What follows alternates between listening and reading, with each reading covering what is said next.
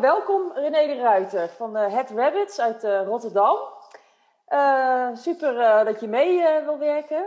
En zou je ter introductie kunnen vertellen wie je bent en wat je zoal doet met je bedrijf? Ja, dat wil ik wel. René de Ruiter, een van de oprichters van Head Rabbits, Rotterdams innovatiebureau. En eigenlijk is wat we doen grote organisaties helpen om lastige problemen op een creatieve manier op te lossen. Dus om uh, vernieuwende oplossingen te ontwikkelen. En dat zijn bijna altijd problemen waar meerdere partijen bij betrokken zijn. Mhm. Dus meerdere organisaties of uh, meerdere afdelingen binnen één organisatie. Of een organisatie met een bepaalde doelgroep, bijvoorbeeld inwoners. Ja. Die hebben samen een probleem waar ze samen uit moeten zien te komen, komen daar niet uit. En wij uh, helpen dan om dat proces te structureren op een creatieve manier. En uh, om die organisaties of die partijen samen tot een oplossing te laten komen waar iedereen enthousiast over is, waar draagvlak voor is. En zijn dat met name non-profit organisaties of doen jullie ook uh, profit? Ja, we, we, werken voor allebei, dus het zijn hele mm organisaties, maar het is wel vooral overheid, semi-overheid. Ja het grootste deel. Maar we werken ook voor uh, een bank, een bouwbedrijf, een afvalverwerker. Die zitten. En uh, maar het zijn dus allemaal wel best wel grote organisaties, ook waar veel partijen bij betrokken zijn. Ja. Is dat ook wat, wat, wat jullie daaraan uh, boeit of wat het steeds weer een uitdaging maakt? Dat het heel complex misschien soms ook is? Ja, nou, vooral dat er, dat er meerdere partijen bij betrokken zijn, is wat het boeiend maakt. Um, omdat die samen op de een of andere manier toch dat probleem moeten zien op te lossen. En vaak ook net iets andere belangen hebben, soms tegengestelde belangen.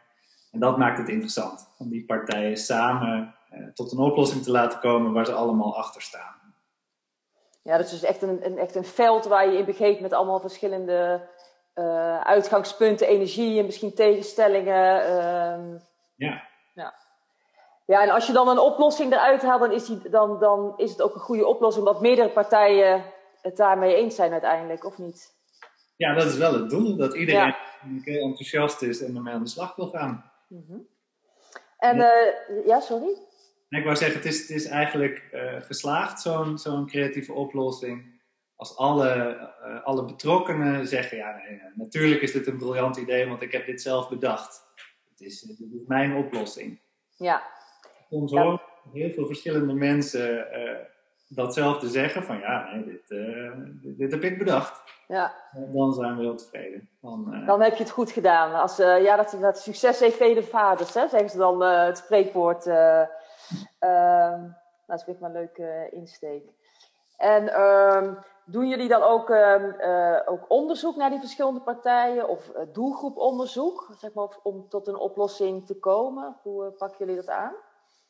Ja, daar, daar begint het eigenlijk mee met heel goed in kaart brengen wie alle stakeholders zijn, maar ook wat er allemaal speelt rondom dat probleem. Mhm. Dus wat, wat de verschillende oorzaken zijn van een probleem, dat is vaak vooraf niet helemaal duidelijk. En maar ook wat er bijvoorbeeld al voor, voor oplossingen bestaan, misschien in het buitenland of in andere vakgebieden. Ehm, en ook wat voor positieve uitzonderingen er al zijn. Er zijn bijna altijd, zelfs in hele uitzichtloze problemen, uh, toch situaties te vinden waar het probleem zich niet voordoet. En die zijn heel interessant om, uh, om te onderzoeken. Dus dat is altijd onze eerste stap. Ja, dus echt onderzoek is echt cruciaal. Wat moet je echt doen om goede oplossing uh, te vinden. Ja. ja, dat is vaak een uitdaging. Hè, van, uh, ik zie dat ook uh, bij, bij meerdere creatieven die al veel te snel in de toepassing of in de oplossing gaan zitten zonder eerst het veld in zicht te brengen. Wat er eigenlijk allemaal speelt. Ja, ja, en het gevaar daarvan, als je dat doet, is dat je dan heel snel in aanname schiet. Precies, ja zitten vaak al een beetje ingebakken in de vraag die we krijgen. Vaak komt een opdrachtgever met een nou, niet super scherp geformuleerd probleem meestal, uh, waar al allerlei aannames ingebakken zitten. En tijdens zo'n onderzoek blijkt dan vaak dat het toch net iets genuanceerder is of net iets mm anders. Dat er andere dingen spelen die nog niet in kaart gebracht waren. Ja, en dat zijn juist de kansen die je kunt benutten waarschijnlijk. Uh... Ja, exact. Ja, ja. Ja, of soms ook dat de oplossing al in de, in de onderzoeksvraag zit. dat zie ik ook wel. Ja. Ja. ja. En, en hoe pakken jullie zo'n uh, onderzoek aan? Kun je daar misschien voorbeelden van geven?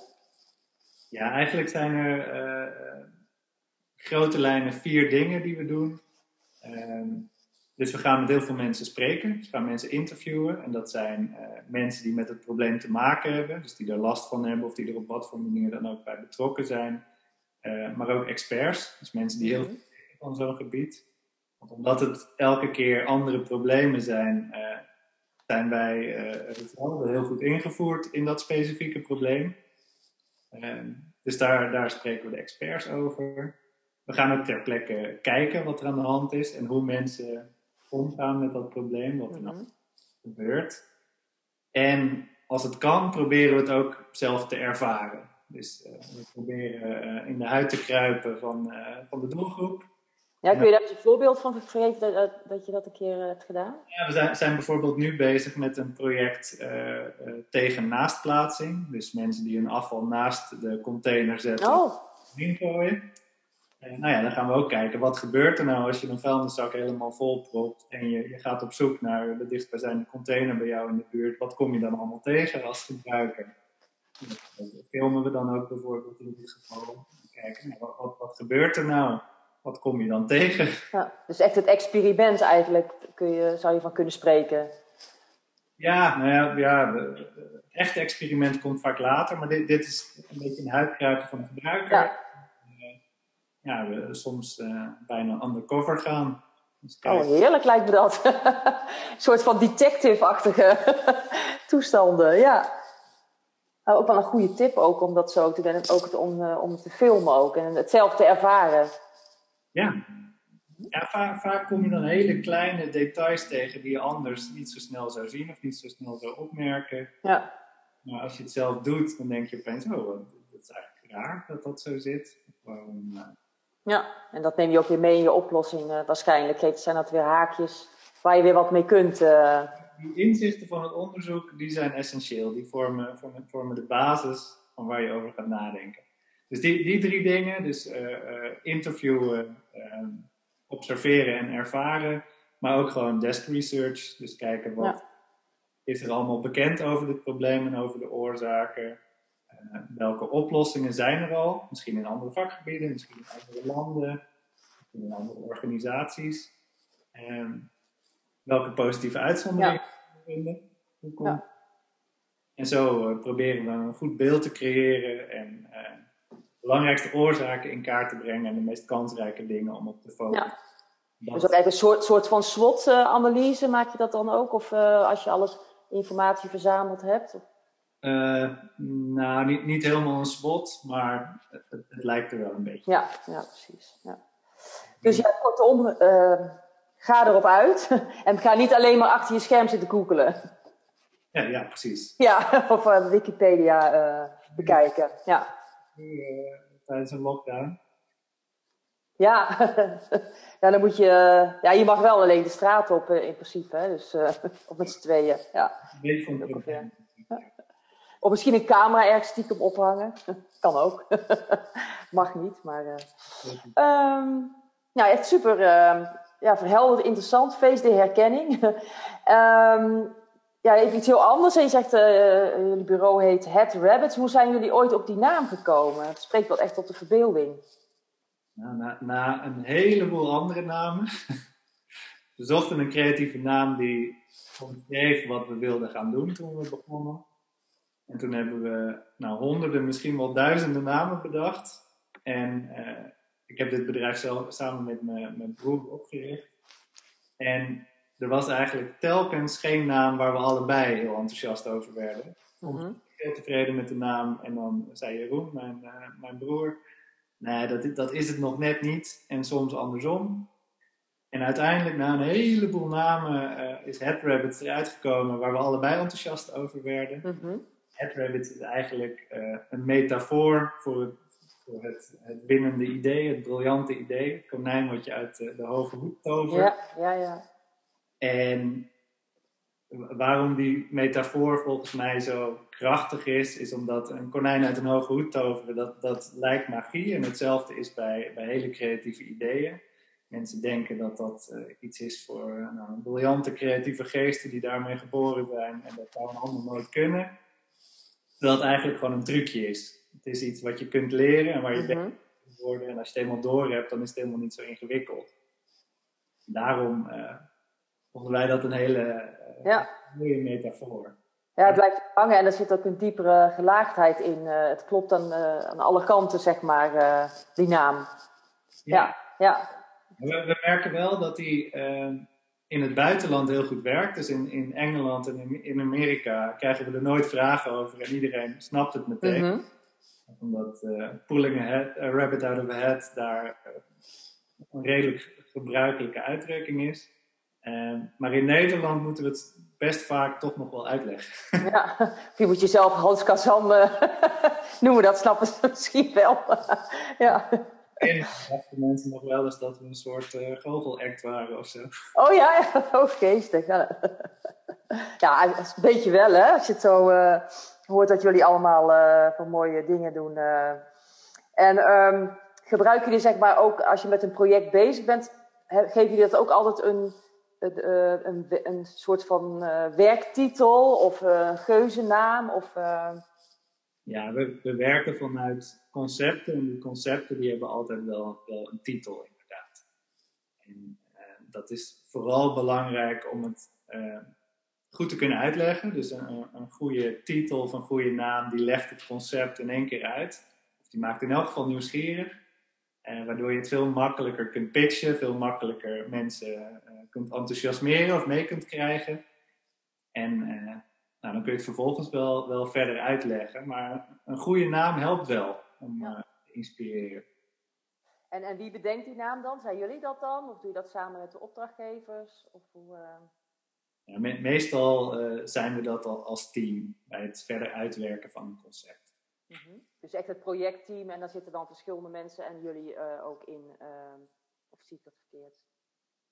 Ja, nee, we, we, werken inderdaad altijd met een, met een kernteam. Dus dat zijn mensen vanuit de opdrachtgever. De mensen die, uh, nou, de, probleemeigenaar sowieso. En vaak nog één of twee mensen die verantwoordelijk zijn voor, voor de oplossing. Voor het uitvoeren daarvan. dus die worden tijdens het hele proces nauw betrokken. En um, is er nog een naam blijven hangen dat je zegt van nou dit was zo'n bijzondere werktitel. Dat is echt altijd blijven hangen en dat heeft ook echt goed gewerkt? Uh, nou, niet, een hele specifieke naam. Het zijn meestal beschrijvende namen. Dus we hebben bijvoorbeeld voor uh, Humanitas een oplossing bedacht tegen, tegen eenzaamheid. Humanitas gaf aan van ja, we, helpen heel veel mensen die eenzaam zijn Um, maar we zien nu dat we steeds minder uh, aanmeldingen krijgen van vrijwilligers. En er zijn steeds meer mensen die aangeven dat ze eenzaam zijn. Dus daar zit een mismatch. Dus één op één kopjes koffie drinken, uh, ja, dat is niet helemaal schaalbaar. Dus moeten we soms tegen mensen zeggen: sorry, pas over een aantal maanden kunt u terecht. Nou, dat is niet fijn. Dus uiteindelijk hebben we voor hun een oplossing bedacht waarbij we eenzame mensen aan elkaar koppelen op basis van interesse en locatie. En de werktitel daarvan was De Vriendenvinder. En als je uh, zo'n titel hoort, nou, we gaan De Vriendenvinder uitvoeren, dan heb je daar meteen een beeld bij van wat, ja. dat, wat dat inhoudt. En dan kun je dat heel makkelijk en snel ook intern communiceren. Mm -hmm. Niet ja. een heel lang verhaal uh, te houden.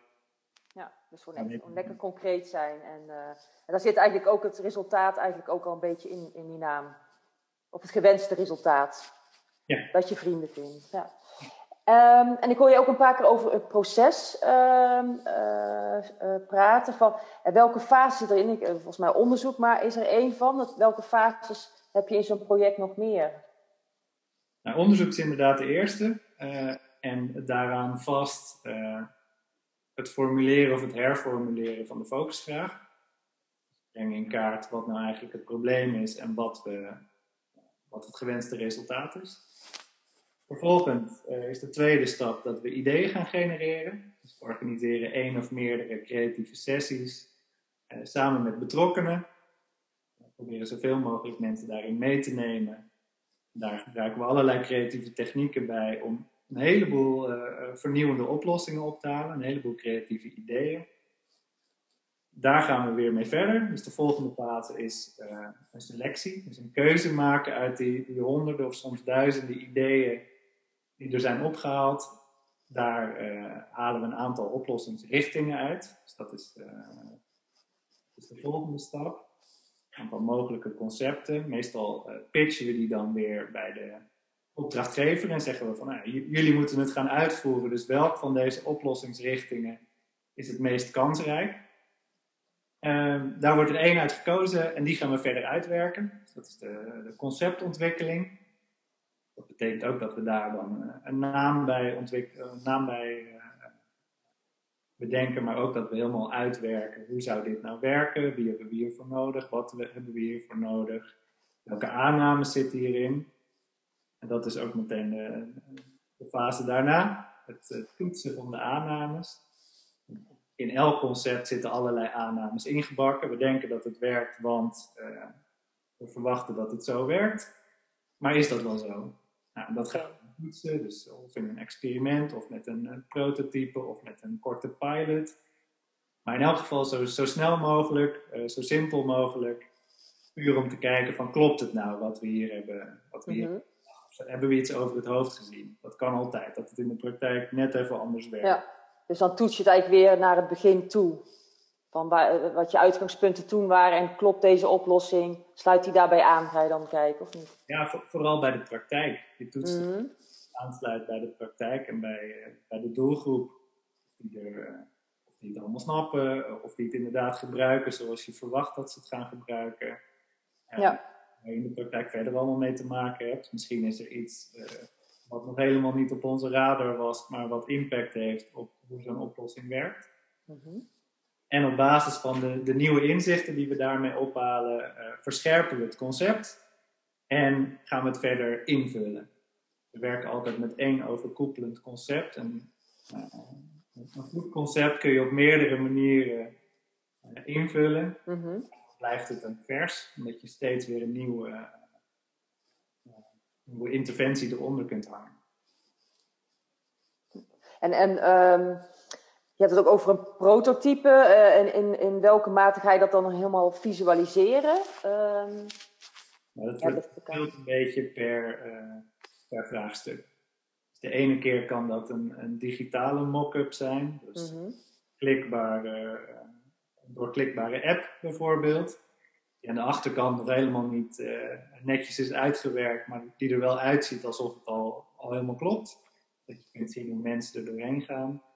Eh, maar het kan ook een, een fysiek prototype zijn om te kijken hoe mensen ergens mee omgaan. Mhm. communicatiecampagne zijn. Op dit Ja. moment eh, 800 doosjes eh, bij ons op kantoor staan. Oh jee. Ik weet niet of het eruit. Dus het is echt heel, heel divers. En, eh, en daarna, als, als je dan eh, eh, het concept gefine-tuned hebt, gefine-tuned hebt zijn jullie dan nog steeds betrokken zeg maar, echt bij de uitvoering? Of is dat dan einde project voor jullie? Ver- verschilt ook een beetje. Het liefst zijn we er daarna ook nog bij betrokken, al is het maar om een soort creatieve supervisie eh, rol op ons te nemen. Dat we zorgen dat het allemaal nog in lijn is met het concept. Maar de, de eerlijkheid gebiedt me te zeggen dat dat niet altijd lukt. Mhm. ook wel eens zo dat de opdrachtgever zegt, nou, maar we hebben hier gewoon een, eh, een projectleider of een programmamanager voor en die Ja. pakt het verder op. Ja, precies. En Dat is ook een, ja, ook een teken. eens in de zoveel tijd nog, nog even contact van, hé, hey, hoe gaat het nu? En eh werkt het allemaal zoals het zou moeten werken? Ehm, maar niet altijd is onze rol zo, zo actief als we het zelf zouden willen. Ja, precies. Maar dat is waarschijnlijk omdat je je werk haast te goed hebt gedaan. Dan hebben ze het gevoel dat het hun idee is en dat het gewoon goed uitgewerkt is. En dat ze er echt mee verder kunnen. Zo zou je het kunnen natuurlijk als een compliment misschien kunnen zien. eh. Ja. Een positieve manier om naar Ja. Want als het, niet, als het niet helder zou zijn, dan zouden ze nog steeds je hulp nodig hebben. Maar ja, misschien niet zo om over na te denken. Ja. En maar waarschijnlijk ehm, doen jullie ook meerdere opdrachten voor dezelfde opdrachtgever als je, als je, je eenmaal kennen en, en dan bouw je toch een relatie op, denk ik. Ja, dan komen ze toch wel bij je terug. Ja. En zo'n proces, zeg maar, vanaf, vanaf onderzoek tot, ah ja, dat zal ook niet voor alle uh, projecten hetzelfde zijn, maar ongeveer, zeg maar, vanaf onderzoek tot en met uh, prototyping. Hoe lang ben je daar grofweg zo mee bezig qua timing? Ja, nou, ook, ook dat verschilt weer best wel, omdat het een probleem kan vrij klein en overzichtelijk zijn, maar ook groot en complex. Maar meestal een aantal maanden. Oké, dat wel. Um, en zeg maar bij aanvang hè, van uh, hoe worden jullie dan um, gebriefd uh, door de opdrachtgever? Of is er, is er een duidelijk briefing moment? En ja, nou, er is altijd een, een intake van tevoren. waarin we kijken of wij überhaupt wel de juiste partij zijn. of er wel echt een probleem is. en meestal is het probleem dan nog niet heel helder geformuleerd. Dus er is een probleem of er, er is iets wat, uh, uh, wat anders moet. Maar vaak is dat vooral een, uh, een aaneenschakeling van, van aannames en, en wensen. Mm -hmm. Maar dat is ook wel mooi, aannames en wensen. Meestal komt daar nog een, een focusworkshop achteraan. Dus als we zeggen, oké, okay, dit, dit, klinkt als een probleem waar wij jullie bij kunnen helpen. Dat is de eerste vraag. zijn we überhaupt de juiste partij? En als dat zo is, dan kunnen we een focus workshop inplannen waarbij we de opdrachtgever helpen om de vraag helder te krijgen, mhm. Om criteria te formuleren. Dus waar moet straks de oplossing aan voldoen? Wat zijn de kaders? Want die, zijn, er altijd. Ehm, en we zijn er heel, ehm, eh, we zijn heel erg op ons hoede als een opdrachtgever zegt. Eh, nee, alles kan, er zijn geen kaders, alles is goed, the sky is the limit. Want in de praktijk is dat eigenlijk nooit zo. En betekent dat gewoon dat een opdrachtgever er niet over na wil denken, of nog niet over na heeft gedacht. Ja. Uh, dus dan proberen we toch altijd nog om toch die kaders uh, op papier te krijgen. Van ja, maar hoeveel mag het straks kosten? hoe snel moet het uit te voeren zijn? Zijn er bepaalde beperkingen? Dus vaak zijn er bijvoorbeeld veiligheids eisen die, die zorgen dat niet alles mogelijk is. En als je doorvraagt, dan komen die meestal wel boven tafel. Ja. Dat is wel een belangrijk, uh, belangrijk onderdeel van, uh, van de input. Ja, dus echt veel doorvragen en je hebt dus echt een, een afgekaderd uh, probleem heb je nodig om, om je werk te kunnen doen, zeg maar. Ehm, ik, ik, hoor ook een bepaalde meetbaarheid. Dat het ook meetbaar moet zijn nou ja, dat, dat is wel fijn om de, om de oplossing aan te kunnen toetsen. Ja, precies. Het is makkelijk om dingen meetbaar te krijgen, maar voor zover dat kan, als het kan doen we een nulmeting. We kijken hoe kunnen we het, probleem nu uh, tastbaar maken of in, in cijfers schieten, zodat we ook na afloop kunnen kijken uh, wat heeft de oplossing nu opgeleverd. Ja, precies. En dan is het ook uh, niet voor discussie vatbaar, want je weet duidelijk van tevoren, toen je erin ging, wat er afgesproken is. Dat het gewoon helder is, uh, een helder vertrekplaatje eigenlijk. Ja. Ja, een heldere route. En is het ook belangrijk dat er ook echt duidelijk um, probleemeigenaren zijn, zeg maar, binnen een organisatie? Ja, ja zeker. Ja. Dat is ook soms nog best een, een worsteling hoor het is niet altijd zo dat degene die ons benadert ook degene is die, die het hardste het probleem voelt. Mhm. Vaak zitten, zijn er verschillende mensen. Dus degene die de opdracht geeft of die de opdracht mag geven, eh, dat is soms iemand anders dan, dan degene die het probleem ook echt ervaart. Precies. Ja, die moeten daar wel bij betrokken zijn en zich er ook uh, verantwoordelijk uh, voor, voor voelen ook. En, en, en je hebt waarschijnlijk ook wel decision makers ook nodig Mhm. die knopen mogen doorhakken. Ja. Um, nou, dan gaan we even uit organisatie, toch weer naar die creativiteit. Uh, wat is jullie, uh, wat is uh, de visie van, van jou en Jeroen over creativiteit? Wat, wat is het en wat vinden jullie daar belangrijk in? Ja, ja. met, die, met die naam wat ik net noemde. want onze visie op creativiteit is dat we geloven dat iedereen creatief is in potentie.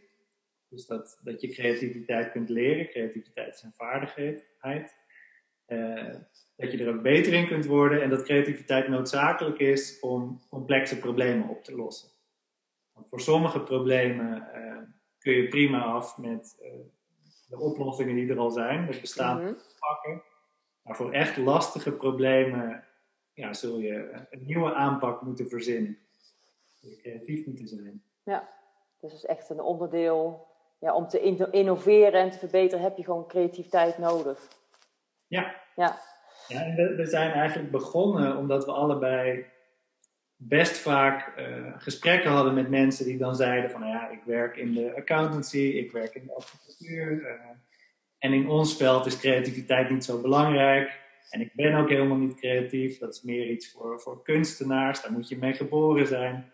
En elke keer hadden wij individueel, uh, los van elkaar, dit soort gesprekken. En gingen we uitleggen: nee, creativiteit is een vaardigheid. Je, kun je leren, kun je beter in worden. En het is een manier om je werk slimmer te doen. Dus hoezo geldt dat voor jullie niet, met jullie Big Four kantoor? Hoezo moeten jullie niet slimmer werken dan de concurrent?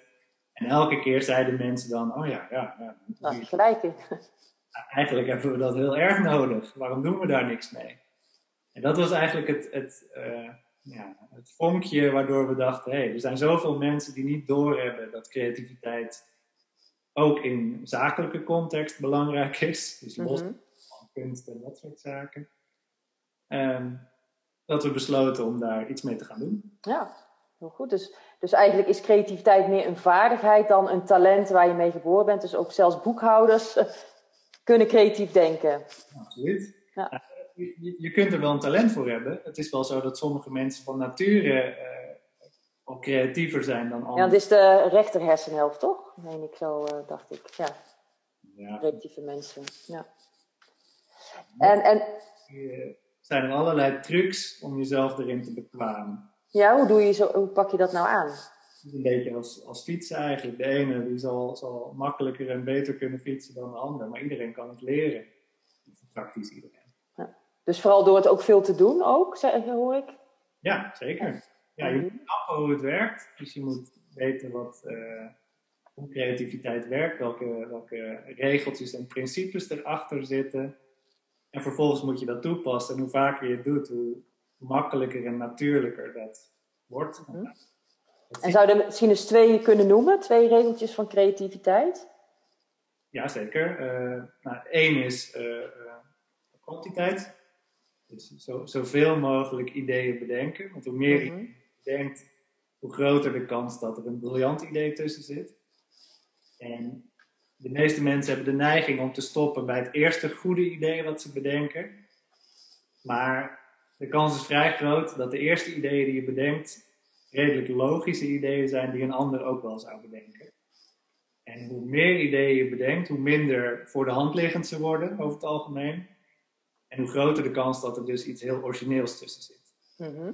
daar, daarvoor moet je eerst door een heleboel ideeën en waarschijnlijk ook een heleboel slechte maar ieder idee telt, ieder idee wat er komt is, is goed, zeg je. Ja, al, is het maar om het feit dat, je, dat het weer tot inspiratie kan leiden. Elk idee kan jou weer op nieuwe gedachten brengen. Zelfs een heel slecht, onrealistisch idee.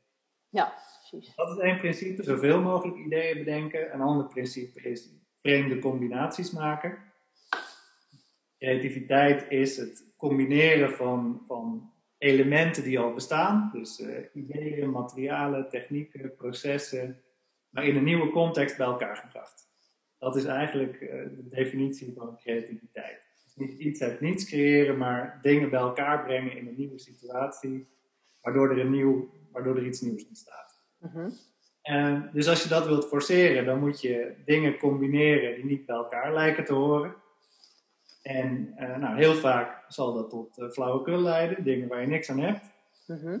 Maar af en toe leidt het tot hele interessante nieuwe inzichten en nieuwe uh, oplossingen. En, en kun, kunnen mensen, zeg maar ook teams die middenin geoefend zijn, kunnen die dat ook zelf gaan doen? Of hebben ze echt wel iemand bij nodig die dat zeg maar aanstuurt, dat creatieve proces? Nee, dat kan je prima zelf. als je, als je de, de principes snapt, de, de, principes en de technieken zijn vrij eenvoudig. Mm dus als, daar kun je prima zelf mee, mee aan de gang gaan en, uh, en oefenen. En hoe moeten mensen daar zelf in zitten in zo'n brainstorm? Want natuurlijk ook bij bestaande teams zijn natuurlijk allerlei percepties over elkaar. En um, hoe kun je dat doorbreken? Zeg maar dat je open genoeg in zo'n brainstorm gaat. Nou, als je, het, als het specifiek hebt over een brainstorm, dus waar je bij elkaar zit en, en brainstorm, uh, dat, dat is een, een bepaalde techniek die ooit door, door uh, uh, een, een, man uit de reclame is bedacht in de jaren 50, geloof ik. Um, als, als, we het even interpreteren als een creatieve sessie met een groep mensen, dan is het vooral belangrijk dat iedereen ook echt een oplossing wil. Dus dat iedereen er zit om, uh, om mee te denken en niet om maar niks te missen of om uh, af te luisteren wat er allemaal gebeurt. En het is belangrijk dat iedereen in de goede mindset zit. En dat mhm. kun je, daar kun je heel makkelijk voor zorgen door mensen eerst creatief te laten nadenken over iets neutraals. Wij gebruiken zelf bijvoorbeeld uh, wel eens een, een willekeurige wat-als stelling uh, met iets heel raars, wat niet uh, politiek gevoelig is. Dus wat als kinderen onzichtbaar zouden zijn, wat als iedereen een giraf als huisdier zou moeten nemen. Noem het maar op, iets heel, heel flauwekulligs.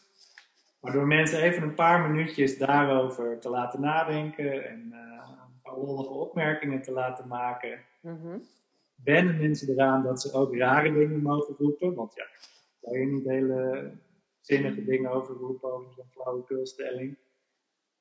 Komen mensen in, in een losse sfeer, wordt een beetje gelachen. En daarna zijn mensen ook veel vrijer om rare dingen te roepen.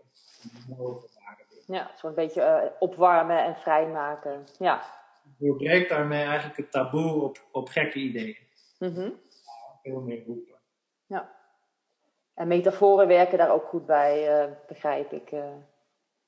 Ja, me metaforen kunnen als techniek heel goed werken, ja. ja. En jullie hebben, ehm, begreep ik ook, zelf ook brainstorm tools ontwikkeld, klopt dat? Of digitaal? kun je daar misschien ook nog iets over vertellen? Ja, ja, we hebben uh, Brainstorm software ontwikkeld, Brightstorming. Het is een, een applicatie waarmee teams in hele korte tijd vernieuwende ideeën kunnen bedenken. En de applicatie die genereert eigenlijk een programma dat perfect aansluit bij jouw situatie. Dus als je, als je de setup doorloopt, dat, kost je nou, een halve minuut misschien, dan stelt, de, stelt, het programma jou een aantal vragen. Dus hoeveel tijd heb je straks? Met hoeveel mensen zit je? Uh, waar wil je over nadenken? Dus zoek je een oplossing voor een probleem? Of wil je iets verbeteren? Een bepaald proces misschien? Of zoek je iets heel nieuws? Een nieuw product of een nieuwe dienst?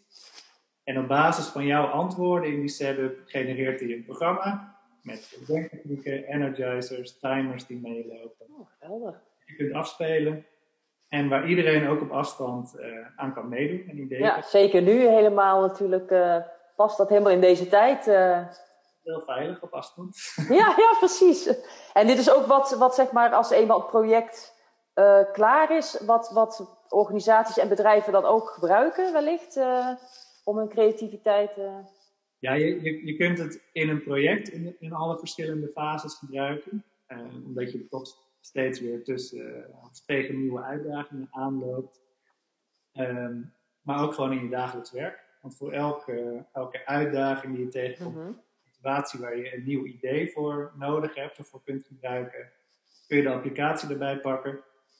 En uh, misschien zelfs in je eentje en anders met collega's uh, doorlopen. Er zijn ook mensen die gebruiken het gewoon alleen als een soort sparringspartner. Oh, geweldig. En um, kunnen mensen ook, als, als, als ze dit horen, denken van... hé, hey, interessant, kun je ook een soort demo bekijken, geloof ik, hè? Of niet? Zeker, je kunt gewoon via onze, onze website, via brightstorm.com of via uh, headrabbits.com, kan allebei. Kun je een gratis demo aanvragen en dan uh, lopen we samen met jou door het programma. Kun je ervaren hoe het is. Dus, uh, luisteraars, uh, ga dat vooral doen, zou ik zeggen. Um, tot slot, want je hebt al heel veel waardevolle informatie met ons gedeeld. Zou je nog een, een tip heb je wellicht nog een tip voor ehm, over creatief denken voor mensen enerzijds in een creatief beroep en voor mensen die niet in een creatief beroep werken? Uh, Nadenkertje. Ja, goede vraag. Verzinnen ter plekke. Nou, ja. De, de, de belangrijkste tip is denk ik er gewoon mee experimenteren, het doen. Dus uh, uh, een paar creatieve technieken opzoeken. Nou, op onze website staan er genoeg, maar je kunt er online sowieso uh, honderden vinden. Ehm, experimenteer daar eens mee, oefen daarmee. En dit is voor de niet-creatieve beroepen dat je dit zegt, of voor de voor beide? Dus je wil daar ook geen onderscheid tussen maken? Nee, want ook niet nodig. beroepen uh, gebruiken mensen volgens mij veel te weinig de, de technieken die er zijn. Heel veel creatieve beroepen, dus in de reclame of in de communicatie of in de marketing. En zitten mensen die van nature al vrij creatief zijn en die denken het komt toch wel. Maar ook die mensen kunnen nog tot veel ideeën komen als ze het gesprek ja. pakken. En er zit ook heel veel aannames ook uh, toch nog in. Waardoor je dan uiteindelijk weer hetzelfde gaat bedenken wat je al misschien altijd al deed. Ja, en misschien is dat wel de beste oplossing. Dat, uh, dat, dat kan best. Het komt best wel eens voor dat de eerste, uh, een van de eerste ideeën die je bedenkt al meteen de beste is. Maar goed, dat weet je pas als je er eerst een heleboel Ja, precies. Dan kun je dat uh, 300% onderbouwen dat het klopt. Ja, precies. Nou, um, mag ik jou heel hartelijk bedanken voor dit interessante en boeiende gesprek.